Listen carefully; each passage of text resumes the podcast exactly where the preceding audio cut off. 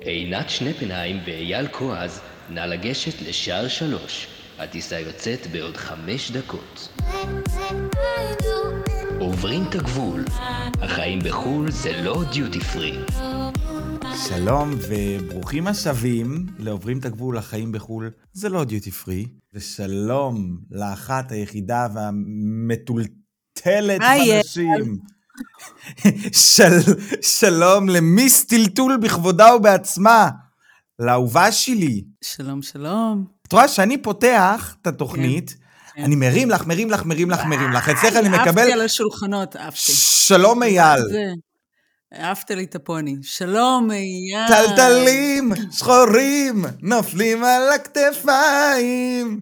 טלטלים רוצה להציג לנו את שחורים השאלה? מאוד. טוב, אני אציג את השאלה. לפי דעתי, אנחנו צריכים לחשוב על פודקאסט נוסף, פודקאסט זמרה. שרים מעבר לגבול. כן, בול. מזמרים מעבר לגבול, אני אגיד. יאללה, תציג לנו את השאלה. אז ככה, השאלה שלנו היום היא, מי עוזר לכם כשאתם צריכים? שתיקה רועמת. אני אגיד לך ככה, אני חושב שזאת שאלה שהיא נוגעת בנקודה מאוד מאוד כואבת, שאנשים גם לא חושבים עליה. עכשיו אני אסביר.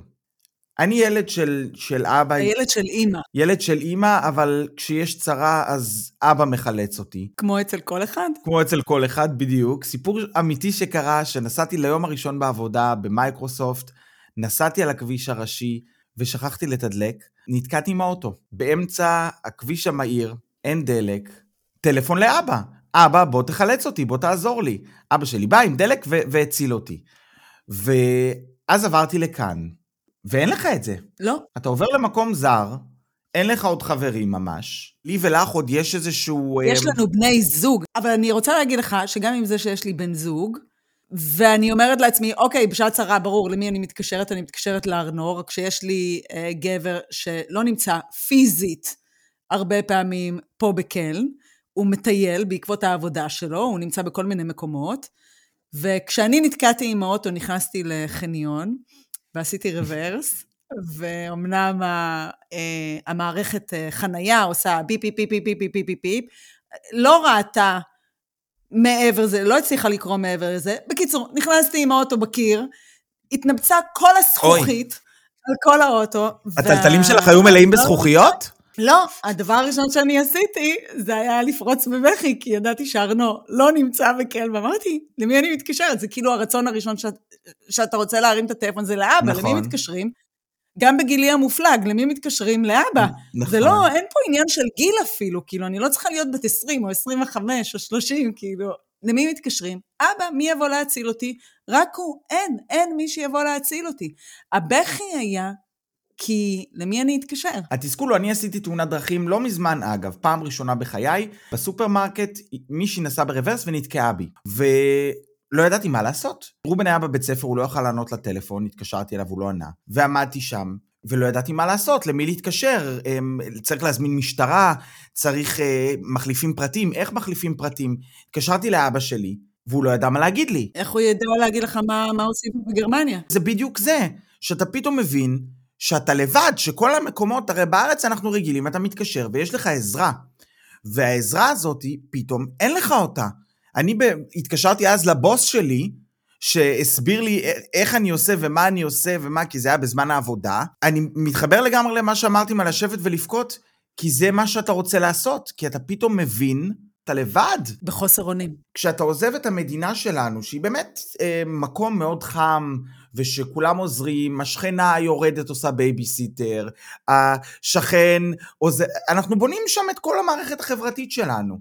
ובאמת, ברגע שאתה צריך עזרה, אתה מרגיש את, ה, את החוסר הזה, את, ה, את הבדידות הזאת כביכול. אני חושבת שהמקום הזה גם מכניס לבחינה את המערכות יחסים שיש לך, אם יש לך חברים שהם חברים מקומיים, נגיד, אני, המערכות יחסים שלי הם רק עם חברות מקומיות, זה גם מכניס את זה לאיזשהי מבחן מציאות, ואז אתה אומר, רגע, אבל אם במקרה כזה אני לא יכולה להתקשר לאף אחת מהחברות שלי, ומשהו עוצר אותי, או גורם לי להרגיש לא נעים להתקשר, נכון, קודם כל זה אצלי בראש, כי זה מחשבות שלי בראש כלפי הסיטואציה, כי אני אולי לא בחנתי אותה, ואולי זאת הזדמנות דווקא טובה לבחון את החברות ולהגיד, וואלה, אם אני אתקשר למישהי מקומית והיא כן תעזור לי וזה כן יעבוד לי, אז אולי אני אתבדה מהמקום הזה של הלבד. משום מה, אנחנו כל הזמן בוחרים להישאר עם הלבד הזה ולהגיד, יואו, אין לי למי להתקשר. אבל יכול להיות שכן יש לנו, אנחנו רק לא בוחנים את הסיטואציה הזאת. את צודקת, אבל אני חושב שכשאתה מגיע למדינה זרה ואתה עושה רילוקיישן, אתה קודם כל מגיע ואין לך את הבן אדם הזה שאתה יכול לבקש ממנו עזרה. אתה תלוי בבן זוג שלך ב-100%, ויש המון אנשים שמאזינים לנו, אני מניח שעשו רילוקיישן עם, עם הפרטנר שלהם, ושניהם מגיעים זרים למדינה זרה, ואז בכלל אין לך עזרה ואין לך ממי לבקש. כשאני הגעתי לגרמניה, רובן ואני חיפשנו דירה. לא היה לנו כסף, והיינו צריכים מישהו שיחתום לנו ערבות על הדירה. אימא של רובן הייתה בחובות והיא לא יכלה לקחת עלינו ערבות. אחיו הגדול, מסיבותיו שלו, לא רצה לחתום לנו ערבות, ולא היה מי שיחתום לנו. ההורים שלי מן הסתם לא יכולים, כי הם בישראל. והיינו במצב שישבנו אני ורובן ברחוב בוכים. קשה. אני רוצה להגיד לך שעם המשפחה בישראל זה לא היה קורה. נכון. למרות שיש משפחות, אי אפשר לעשות, להגיד לא. את זה באופן גורף, אבל... נכון. אבל אני חייב להודות שבסופו של דבר דודה של רובן הסכימה לחתום לנו, ולמרות שהיא דודה רחוקה שלו, היא אמרה, אני אעשה את זה בשבילכם, ואין בעיה. אבל אני זוכר את השעה, שעתיים האלה שישבנו על הספסל, אני ורובן, זה היה באמת זמן ארוך, ובכינו, ואני זוכר את התסכול שלי, כי אמרתי, מי יעזור לי עכשיו? מי יעזור לי? ההורים שלי לא פה, אחים שלי לא פה, המשפחה שלי לא פה, אה, חברים שלי לא פה, מי יעזור לי? ואתה יושב ואתה אומר, פאק, אני לבד. אני אומנם עם הפרטנר שלי, אבל אני צריך לסמוך על, ה, על החברים והמשפחה שלו שיבואו לעזור לנו, ואני חושב שלפעמים אתה גם לא רוצה את זה. זה מקום שגורם לך להרגיש בדידות. בדידות ותלות. תראי, יש משהו בעזרה שנכון, אומרים נתינה ו- ועזרה, ואתה נותן בלי אה, רצון לתמורה, אבל בתכלס, אתה עוזר לאנשים שאתה אוהב ושאתה קשור אליהם ושאתה מחובר אליהם, כי זה איזשהו משהו ש... שאתה מרגיש צורך אליו. אתה גם רוצה לבקש עזרה מאנשים שאתה אוהב ואתה מרגיש מחובר נכון. אליהם. קשה לנו יותר לבקש עזרה מאנשים שהקשר שאנחנו רואים איתם הוא קשר שהוא טיפה יותר מרוחק ולא קשר עמוק. במקום הזה נכנסת גם הבדידות שאותה אנחנו חווים מדי פעם. אני חושבת שזה המקומות שבהם הכי הרבה אנחנו חווים בדידות. זה כש, כשאני צריך עזרה, אני לא יודע למי לפנות. חוויתי את הקשיים האלה, במיוחד כשהילדים נולדו. ארנו, שוב, לא היה פה. ואם הייתי צריכה איזושהי עזרה, או ילד אחד היה חולה, ולא יכולתי לעזוב את רומי נגיד, וללכת לאסוף את ליה מהגן, אז נכון, חברויות ישראליות עזרו לי מאוד, והחברות הישראליות שלי תמיד היה בינינו, היא לוקחת ומחזירה, ואם אני נתקעת אז אני לוקחת ואני מביאה לה את הילדים הביתה, וכל הזמן היה את הפינג פונג הזה, שהוא מבחינתי היה העזרה הכי גדולה. אבל מה קרה בסופו של דבר כשכל פעם חברה ישראלית כזאת הייתה עוזבת את גרמניה ואני הייתי נשארת לבד ופתאום העזרה הזאת הייתה נעלמת. אחד הקשיים הכי גדולים שלי היה, יואו, היא גם עוזבת אותי ברמה האישית והחברית וגם אני יודעת שהיא כביכול הכתף שאני נשענת עליה כשאני בשעת צרה. ואם היא איננה, אז על מי אני אשען? אני לא יכול לדמיין לעצמי איך זה להיות פה עם ילדים ועוד להיות בלי עזרה. כאילו, אני, אני חוש... מריץ לעצמי את זה בראש ואני אומר, וואו. בישראל זה בא בילד אין, עם הסבא והסבתא על ידי נכון, כאילו... קודם כל תראי, אני, זה. אני כל הזמן אומר לרובן שכשאנחנו נביא ילדים, אנחנו נחזור לארץ, כי אני לא רואה את עצמי מביא פה ילדים בגלל שאני רוצה את אימא שלי לידי, אני רוצה, אני רוצה את העזרה מהמשפחה שלי, שאני יכול לבקש מהם, שאני יכול להרגיש בנוח לבקש מהם ושיעזרו לי. עכשיו נגיד יש לנו את ג'י ג'י, נסעתי מהעבודה לברלין, ביקשתי מחברה שתעזור לנו ותיקח את ג'י ג'י אליה. היא לא הייתה מוכנה, בגרמנים גם אין להם בעיה להגיד פשוט לא, אין להם את החוסר נעימות, רצתה להשאיר לה את הסופש פתוח. אחות של רובן לא יכלה ועמדתי שם ואמרתי אוקיי מה אני עושה עכשיו לעינת, מי שלא יודע יש לה גם כלב, לני, המהמם. וכמובן שזה לא אידיאלי שיש שני כלבים בבית. ומה שיצא זה שאני ורובן לא יכלנו לנסוע, ואז עינת אמרה, אני אקח את הכלב. אם אתה לא מוצא משהו אחר, אני אקח אותו. ובשבילי, אני לא אמרתי לך את זה אף פעם, אבל בשבילי זה היה עולם ומלואו. כי ידעתי, בסוף החלטנו לוותר, אבל הידיעה הזאתי, שיש אותך שם, ושאת אומרת, אני אעשה את זה בשבילך, ואני אקח אותו, גם אם זה לא נוח, וגם אם זה לא קל, זה משהו שזה כמו לזכות בלוטו, אין את זה פה. ובשבילי זה, זה, והרגשתי בנוח לבקש את זה ממך. והתחושה הזאת היא משהו שמאוד מאוד קשה למצוא כשאתה עוזב את הארץ שלך, כי אתה תלוי תמיד ב... ואת שלי. את לא של רובן, את שלי. וזה כמו שאני מבקש עזרה מאמא או אבא, אני יכול לבקש אותה ממך. וזה מדהים. אני, אני מבינה אותך לגמרי. לנו להבדיל ממך, אה, תמיד היה את ההורים של ארנו, שההורים של ארנו גרים חצי שעה מפה. והרבה פעמים כשהייתי צריכה עזרה והייתי מתקשרת לאימא של ארנו בשש בבוקר, אה, אם היא יכולה לבוא לשמור על הילדים כי מישהו חולה ואני הייתי צריכה לצאת לעבוד, אז היא הייתה, ישר הייתה עולה על הרכבת ומגיעה, כאילו לא היה שאלות אפילו, ואם הייתי צריכה אותה גם לסוף שבוע, היא הייתה אורזת תיק ומגיעה, מבחינתה היא כל הזמן אמרה להגיע אלינו הביתה זה לצאת לחופשה. ויום אחד הייתי, ב... זה היה בתקופה שעוד הייתי צלמת, ועבדתי בעולם הטלוויזיה, והייתי צריכה לצלם 400 איש לאיזשהו פרויקט. ואני מגיעה לעבודה בבוקר, ואני יודעת, בראש שלי, ההורים של ארנו אוספים את הילדים אה, מהגן ומהבית ספר. ועל הבוקר אני מקבלת טלפון מההורים של ארנו, שאימא של ארנו צריכה להגיע דחוף לבית חולים לבדיק, לאיזושהי בדיקה דחופה, והתפנה תור עכשיו, והם לא יכולים לחכות. ואני כמובן אמרתי בטלפון, בטח, בטח, אני אסתדר, אני אסתדר, תיסעו. עכשיו, אני שעה לפני צילומים, אני כבר נמצאת בחברת הפקה, אני כבר בונה את כל הסטודיו והכל, ואני יודעת שאין לי עזרה. אין. עכשיו, התחושה הראשונית היא חנק בגרון, כי אני ידעתי מה אני הולכת לעשות. ארנו בכלל לא היה פה. ממי, את רק מספרת ואני חנוק. ארנו היה במדינה אחרת. אין לי איזושהי חברה ישראלית שאני יכולה לפנות אליה. מה אני עושה? מה אני עושה? מה עשית? אז עליתי למעלה למשרדים, לזאת שהזמינה אותי לעבוד אצלם בחברה, ונעמדתי אצלה בחדר. היא רואה שהעיניים שלי מתמלאות, אני, זה היה בלתי נשלט. היא אומרת לי, עינת, מה קרה? ואני מספרת לה מה קרה, ואז אני אומרת לה, ויש גם את לני בבית, ואני הולכת להיות פה עד שמונה בערב, וגם אין, אין מי שיוציא את לני. אז היא אומרת לי, בואי נעשה ככה, את נותנת לי את המפתחות של האוטו שלך, אני הולכת, נוסעת אלייך הביתה, אני מביאה את לני לפה, רק צריך למצוא מישהו שילך לאסוף את הילדים שלך מבית ספר. יואו. ואז אמרתי, מה אני עושה, מה אני עושה, מה אני עושה? ופניתי למכרה שעבדה גם בחברה, ואמרתי, אין, עינת, את תבלעי את הבושה, את תבלעי את החוסר נעימות, ואת פשוט תלכי תבקשי עזרה. ופניתי אליה, והיא אמרה לי, בטח, אין בעיה, אני מבקשת אישור מהבוס, ואני הולכת להביא את הילדים שלך ומביאה אותם לפה. עכשיו, שני הילדים שלי בקהילה היהודית, אני מתקשרת לקהילה היהודית, קודם כל אני מוציאה לה אישור להיכנס, כי מטעמי ביטחון, אנשים לא יכולים, אנשים זרים לא יכולים להיכנס לשם. שולחת במייל את התעודת זהות שלה כדי שייתנו לה אישור להיכנס יאו! לקהילה היהודית. מה זה, זה מבצע אנטבה, אחותי. זה היה מבצע אנטבה. הבחורה השנייה נסעה, הביאה את לני, נתנה לה את המפתחות של האוטו שלי. בשעה שלוש, אני התחלתי כבר לעבוד, בשעה שלוש היא נסעה לקהילה היהודית, הביאה את רומי ואת ליאם לזה, והעסיקה אותם עד השעה שבע בערב. Mm. אני גם לא ראיתי אותם. אני רק ידעתי שהם בבניין, אני ידעתי שהם מועסקים, ואני ידעתי שאני פנויה לעשות את העבודה שלי, אבל אני רוצה להגיד לך, זה היה כל כך לא ברור מאליו.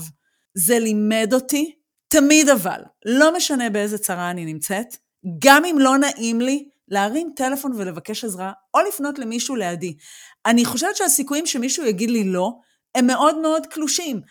התחושה הזאת שאנחנו רוצים להשאיר את עצמנו בתוך הבדידות הזאת... אז למה לי אמרו לא עם ג'י ג'י? כי היא ביץ', אין מה לעשות. מבינה את הקטע? אבל אני חושבת שתמיד שווה לנסות, ותמיד, גם אם אנחנו מרגישים לא נעים, תמיד יהיה מישהו שירצה לעזור לנו. אנחנו אף פעם לא יודעים מאיפה יבוא הכן. נכון, אבל אני רוצה להתעכב על התחושה שלפעמים אתה רוצה את העזרה ממישהו מסוים, אתה רוצה שמישהו מסוים יהיה לידך שם. זה לדעתי הקושי. לפעמים אני רוצה עזרה, אבל אני רוצה אותה מאנשים שקרובים אליי. אני, אם זה עזרה שהיא יותר רגשית, אם זה עזרה, אנחנו מדברים על עזרה שהיא יותר... אה, מעשית, במעשים. בוודאי, אני מבינה אותך, אתה רוצה את החום של אימא גם כשאתה חולה. נכון. אתה רוצה שאימא תבוא ותביא לך את המרק, ושההורים שלך יהיו שם. הידיעה הזאת, כשאנחנו נמצאים בישראל, שתמיד יש לנו גב, ויש גב שעוזר, וגם, אני חוזרת על זה, זה לא כזה ברור מאליו שיש גב, אוקיי? לי ולך יש גב. אבל הידיעה הזאת, אתה מסתובב עם הרבה יותר ביטחון בחיים שלך, כי אתה יודע שלא משנה מה, תמיד יהיה שם מישהו. פה הגב הזה הוא איננו. אתה יודע שרוב הזמן אתה צריך להיות עם עצמך, ואתה צריך לראות איך אתה מסדר לעצמך את העזרה הזאת. התחושה הזו היא תחושה נורא קשה. נכון? לא, תראי, אני חייב להגיד, אימא של רובן נפטרה אה, שנה שעברה, אבל היא הייתה כמו אימא שלי פה, היא הייתה באמת ג'אדה, היא הייתה, לקראת הסוף היא הייתה מאוד חולה, אז היא פחות יכלה לעזור לנו, והיה לנו עובש בכל החדר שינה. והמזרון גם היה עם עובש, ולא ידענו מה לעשות, לא היה לנו כסף למזרון חדש, הכל היה מלא בעובש. והיא באה ככה קטנה, עם מזרון ענק, קרצפה לנו את כל הקיר, העיפה את ה- את המזרון הישן לפח עם רובן, עשו. זה משהו, נגיד, שאתה חייב אימא או מישהו שיבוא ויעזור לך, והיא הייתה שם בשבילנו. זה לא שלא היה לנו את העזרה, אבל כשהיא נהייתה חולה, אז פתאום העזרה הזאת היא נפלה, אני מבינה אותך, זה כמו ההורים של ארנו שהזדקנו, ואין אין יותר. נכון? הם לא יכולים לעזור לנו, זה עכשיו אנחנו עוזרים להם, זה, היוצרות התהפכו. כשאת אומרת לעזור להורים, זה גם מחשבה שרצה לי לאחרונה בראש, שאנחנו כאן, ושואלים מי יעזור לנו, אבל מי יעזור להורים שלי, פתאום אני חושב, כשהם, אה, כשהם מתבגרים, ואולי עוד כמה שנים, אני מקווה שעוד הרבה שנים אמא ואבא, אבל הם יצטרכו עזרה, ואני רואה את סבא וסבתא שלי שמזדקנים וצריכים עזרה, ואנחנו לא שם. וזה גם משהו שהוא כאילו לצד השני פתאום אני אומר, כאילו גם חברים שלי שלפעמים צריכים את העזרה שלי, ואני הלכתי.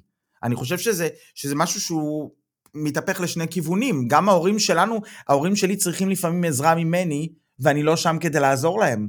אחים שלי צריכים עזרה ממני, ואני לא שם כדי לעזור להם. אנחנו הרבה פעמים בפודקאסט גם מדברים מהפרספקטיבה שלנו, אבל גם האנשים שהשארנו מאחורה לפעמים צריכים אותנו, ואנחנו לא שם. המרחק, אני חושבת, הוא קושי נורא גדול ברגעים האלה. אני חוויתי את זה כשחברה טובה שלי, אמ, אבא שלה נפטר בפתאומיות, ואין לך את היכולת לעזור, זה חוסר אונים שהוא הוא מטורף. אין את היכולת להיות שם לידה, ולתמוך בה, ולחבק אותה, ולאהוב אותה, והכל נעשה דרך וואטסאפ, והמצב הרגשי שעובר על האנשים שנמצאים בתוך הקושי שלהם, אז לא תמיד אתה גם יכול להתקשר או לדבר, והם לא מסוגלים להתקשר או לדבר, ואתה מרגיש את החוסר האונים הזה, הוא נוראי, הוא ממש נוראי. וזה בדיוק אותו דבר כמו שאתה מדבר, מה אנחנו נעשה כשנצטרך לתמוך בהורים שלנו ואנחנו רחוקים. אני אפתח את זה פה בפודקאסט, אימא שלי חלתה בסרטן השד. היא החלימה והכל בסדר, והיא עברה את זה, אבל בתקופה שהיא חלתה, אני הייתי פה. וזה היה מאוד מאוד קשה, אני ניסיתי לתמוך בה כמה שאני יכול מרחוק. וזה הגיע בקפיצות, זאת אומרת, קודם גילינו, ואז פתאום היא איבדה את השיער. אני באתי לביקור בארץ, אבל אני לא הלכתי איתה לכימותרפיה, אני לא החזקתי לה את היד, אני לא הייתי שם בשבילה. וזה אולי איזשהו מנגנון הדחקה שהיה לי, ועזר לי, לה... זאת אומרת, זה לא נצרב בי כצלקת, אבל אני עדיין מתייסר על זה שלא הייתי שם. שלא הייתי שם בשבילה, ושלא עזרתי לה לעבור את זה, וכשאני לפעמים חושב על זה, אני חושב מה היה קורה אם היה קורה הנורא מכל ואני לא הייתי שם. ואחים שלי היו צריכים לעזור, ו...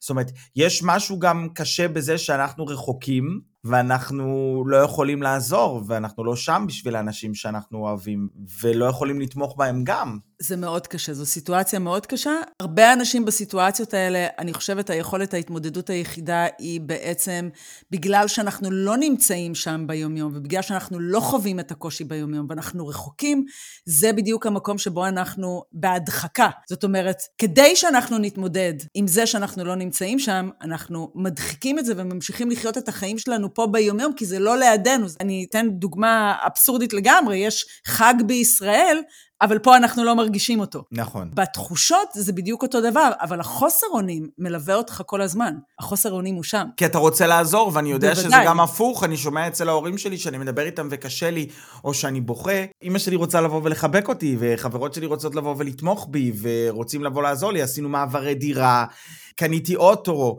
כל מיני דברים שאתה, זה דברים קטנים אפילו, כאילו דיברתי על סרטן שזה משהו גדול וכבד, אבל לקנות אוטו. התקשרתי לאבא שלי ואני שואל אותו, אבל אין לו מושג, אני בארץ זרה, הוא לא מכיר את המחירים, הוא לא מכיר את הדברים, הוא לא יודע איך זה עובד, ואתה בכל זאת עושה את זה, אבל אתה לא יכול באמת לקבל את, ה, את העזרה שאתה צריך, וזה זה לא פשוט. אתה יודע, אנחנו דיברנו בפרק הקודם על זה שאחד ה... היתרונות שיש לנו בעצם שאנחנו פה זה כביכול שאף אחד לא מבקר אותנו ולא שופט אותנו בחיים שלנו, ואם אנחנו רוצים לעשות כל מיני דברים אז אף אחד לא יודע, או אתה הזכרת בפודקאסט שאם אתה רב עם רובן אז אף אחד לא יודע ולא, נכון. ולא לא מזהים. אני פתאום חושבת לעצמי, שגם במקומות האלה של העזרה ובמקומות של הקושי, נגיד אם אני צריכה, אז אני גם לא מעדכנת את המשפחה שלי. כי בראש שלי אני אומרת לעצמי, אוקיי, אם אני לא אעדכן, אז הם לא יחוו את החוסר אונים, ומה שהם לא יודעים לא מדאיג אותם. אז את הרבה יותר טובה ממני, אני מעדכן ואני משתף. אני לא יכול שלא. אני מתקשר, אני מעדכן, דיברתי עם ההורים שלי, שאיבדתי את הדרך, שאני נוסע באוטו ולא מוצא, זה כאילו ה... זה האינסטינקט שלי, שאני נוסע ואני מאבד את הדרך, או שאני עוש... קורה לי משהו, עפתי מהקורקינט לפני אה, שלושה שבועות ופרקתי את הכתף. התקשרתי לאבא שלי, זה האינסטינקט, זה לא משהו שאני שולט בו, למרות שעכשיו כשאת מדברת, אני פתאום חושב, וואלה, ילד, אתה אגואיסט? כי אתה רוצה שיהיו לך שותפים. אני חושבת ממקום אחר, ואני אומרת לעצמי, אוקיי, מה יש לי להדאיג אותם? אתה יודע, קטע הזוי, אבל אחותי אומרת לי, היא מקשיבה לפודקאסט, אחותי הקטנה, ואז היא אומרת לי, בואי עינת, אני מגלה עלייך מלא דברים בתוך הפודקאסט, או דברים שקרו לך, ואת בכלל אף פעם לא שיתפת עליהם. או אף פעם לא דיברת על הקשיים האלה שיש לך. כי אני, בראש שלי, אני אומרת לעצמי, הם במילא רחוקים, הם לא יכולים לעזור לי. אז נכון, תהיה איזושהי תמיכה רגשית בטלפון. אבל מצד שני אני אומרת, אוקיי, אבל אולי אנחנו מונעים מעצמנו גם לפעמים את העזרה, כי אנחנו כי אם אני חושבת עליהם שאני אדאיג אותם, אז אני מונעת מעצמי איזושהי עזרה שיכולתי לקבל אולי בטלפון, או איזושהי תמיכה רגשית שיכולתי לקבל, ואני מונעת אותה מעצמי, ואני אומרת לעצמי, אוקיי, אז אולי זה המחיר שאני אשלם כדי לא להדאיג אותם, לא יהיה מי שיעזור לי רגשית באותו רגע. אני מבין מה את אומרת, אני כן מתקשר ומחפש את התמיכה הרגשית הזאת בבית, כי אני חושב שזה מה שמחבר אותי בסופו של דבר, כי אם קורה לי משהו ואני לא משתף, אז הם יוצאים מהלופ, הם יוצאים מהמעגל הזה של מה שקורה איתי. זאת אומרת, אם קשה לי, אם רע לי, או אם אני צריך עזרה. לא, אתה לא מסתיר מידע, אנחנו לא מדברים על הסתרת מידע, אנחנו מדברים על המקומות שבהם אנחנו זקוקים לעזרה. נכון. כשיש מקומות שבהם אנחנו זקוקים לעזרה ואנחנו מחפשים עזרה ממישהו, אז אנחנו בדרך כלל פונים למי שנמצא לידינו ויכול לעזור לנו. אני מרגיש עדיין, למרות שאני גר פה כבר 11 שנה, רובן יהיה הבן אדם הראשון שאני אתקשר אליו לבקש עזרה, אבל אם הוא לא יכול לעזור לי, אז יהיה או אמא שלי או אבא שלי, ואז משם אני אראה איך אני מנווט את זה. ואם זה תמיכה רגשית, אז יש לי את החברות שלי מהארץ, יש לי את החברים שלי פה, ואם זה עזרה פיזית, עדיין אני אתקשר, ואז אני אעשה איזשהו סיור מוחות כזה, כדי לראות מאיפה אני יכול לקבל את, ה, את העזרה. אבל זה לא פשוט. זה משהו זה לא פשוט. פשוט. אני חושבת שאני למדתי עם הזמן כן לסמוך יותר על האנשים שמסביבי, גם על החברויות עם החברות הגרמניות, שלפעמים אני אני יודעת שהם יהיו שם בשבילי, וגם אם לפעמים בראש שלי, במחשבות שלי, אני חושבת, וואי, אין לי למי לפנות, אני למדתי ששווה לפנות לכל בן אדם שנמצא לידך. גם אם אתה חושב שהחברות היא לא עמוקה מספיק, או לא קרובה מספיק, אנשים הרבה פעמים מפתיעים אותנו, גם אם התרבות היא שונה, וגם אם הם לא חושבים כמונו. לפעמים יש הפתעות, ואנשים ב... אני רוצה להאמין שרוב האנשים שנמצאים מסביבנו הם אנשים טובים, עם לב טוב, אחרת הם לא היו מסביבנו. אנשים טובים באמצע הדרך, אנשים טובים מאוד. עינת מקפיצה את הטלטלים, אתם לא רואים. אז אין סיבה שאנחנו לא נפנה אליהם, רק אנחנו צריכים לשנות את כיוון המחשבה בראש ולהגיד, כאילו, שווה לנסות, שווה לפנות, שווה לבקש עזרה. אנחנו... אה... אני היום באמת מרגישה בנוח, אם אני בסיטואציה שכמובן הבן אדם הראשון זה ארנו, שאני מתקשרת אליו, ברוב המקרים הוא גם נמצא שם לעזור לי. במידה ולא, יש לי עוד שתי חברות בחיוג המהיר שאני יודעת שהם יעמדו דום בשבילי. ויש לי חברה גרמניה שאני יום אחד, ארנו לא היה פה, ברוב הסיפורים שלי ארנו לא היה, ונכנס לי משהו לעין, ואני כנראה שרטתי את הקרנית של העין, וזה מי שמכיר את זה, זה כאבי תופת. שם ישמור. כאבים נוראיים, ואני לא ישנתי כל הלילה, ובשש בבוקר אני לא ידעתי מה לעשות, אני גם לא ראיתי. כתבתי וואטסאפ לחברה גרמניה, שאני יודעת שהיא בן אדם שלא ממש ישן הרבה שעות. כתבתי רק, ערה, והיא ענתה לי, תוך עשר דקות אני אצלך מה קרה. Hmm. זאת הייתה התשובה. וכתבתי לה, תקשיבי, אני חייבת להגיע לבית חולים. אני לא רואה בעין, אני בכאבים, אני, אני חושבת כבר כל השרירים שלי בגוף היו דפוסים. בתוך עשר דקות היא הייתה אצלי. אני הערתי את רומי, אמרתי לה, רומי, מאמי, תכף נינה מגיעה לקחת אותי לבית חולים, יש לי משהו בעין, אני לא רואה, את יכולה לחזור לישון, רק שתדעי אם את מתעוררת שאני לא נמצאת פה. בתוך עשר דקות האישה הייתה פה, אני מדברת איתך שש בבוקר. מהמם. כאילו, זה, זה לא ברור מאליו, אבל זה מלמד שאנחנו צריכים לנסות ולסמוך, לסמוך כן על מי שמסביבנו ולהגיד, יגיד לא, היא תגיד לא, נעבור הלאה. נקלל ונמשיך הלאה. כן, נכון. בדיוק. אז לסיכום אני אגיד שזה לא פשוט, בלי עזרה, אבל תבקשו אותה, ואז תקבלו אותה גם. עדיף מאשר להיות בתחושה של חוסר אונים, או להרגיש את הבדידות הנוראית הזאת, בדיוק במקומות שאנחנו זקוקים לה. תמיד יהיה מי שיאזין לנו, תמיד יהיה מי שיעזור לנו. זה, זה עובד, זה באמת עובד. נכון. אז uh, תודה שהייתם איתנו כאן, ואנחנו נתראה בפרק הבא של עוברים את הגבול, החיים בחו"ל. זה לא דיוטי פרי. ותעקבו אחרינו בקבוצה בפייסבוק, עוברים את הגבול, החיים בחו"ל זה לא דיוטי פרי. תשאירו לנו שאלות ותכתבו לנו תגובות, ותודה לכם על כל הפרגונים וההודעות שאתם שולחים לנו, אתם מהממים, אנחנו אוהבים אתכם. מאוד. תמשיכו לכתוב לנו, זה, זה עושה מאוד כיף וזה מרגש, השיתופים שלכם וההודעות שאתם כותבים בפרטי, שתדעו, זה, זה ממש נוגע. כמו שאייל אומר, כל uh, סיום של פודקאסט, יש פעמון למעלה, תלחצו עליו וככה תקבלו התראות על הפודקאסט, ולא תצטרכו להיכנס כל פעם לראות אם עלה פרק חדש. נכון, ותיתנו לנו חמישה כוכבים, חברים שלי. שיהיה אחלה שבוע. אחלה שבוע. ביי.